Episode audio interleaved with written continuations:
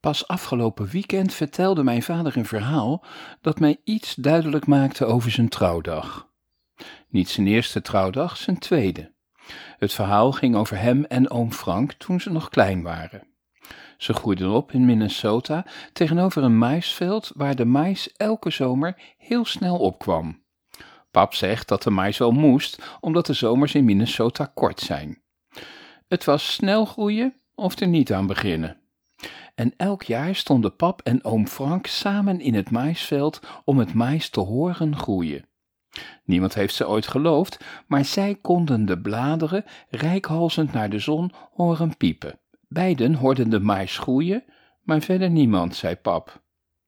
Dat heb je me nooit verteld, zei ik. Ik vond het leuk om me voor te stellen hoe ze daar in het maisveld stonden. Oh nee, pap draaide de pannenkoeken om. We hebben zo'n nieuwe pannenkoekenplaat die twee gaspitten bedekt, zodat pap er nu vier tegelijk kan maken. Het is fantastisch. Stonden jullie hand in hand? Wie? Jij en oom Frank? In het maisveld om elkaar niet kwijt te raken? Pap snoof, nee. Heb je oom Frank ooit hand in hand zien staan met iemand? Je zou nooit denken dat ze broers waren. Oom Frank heeft een lichtroze huid en mijn vader heeft een vracht sproeten die hem het hele jaar door een bruin gezicht geeft.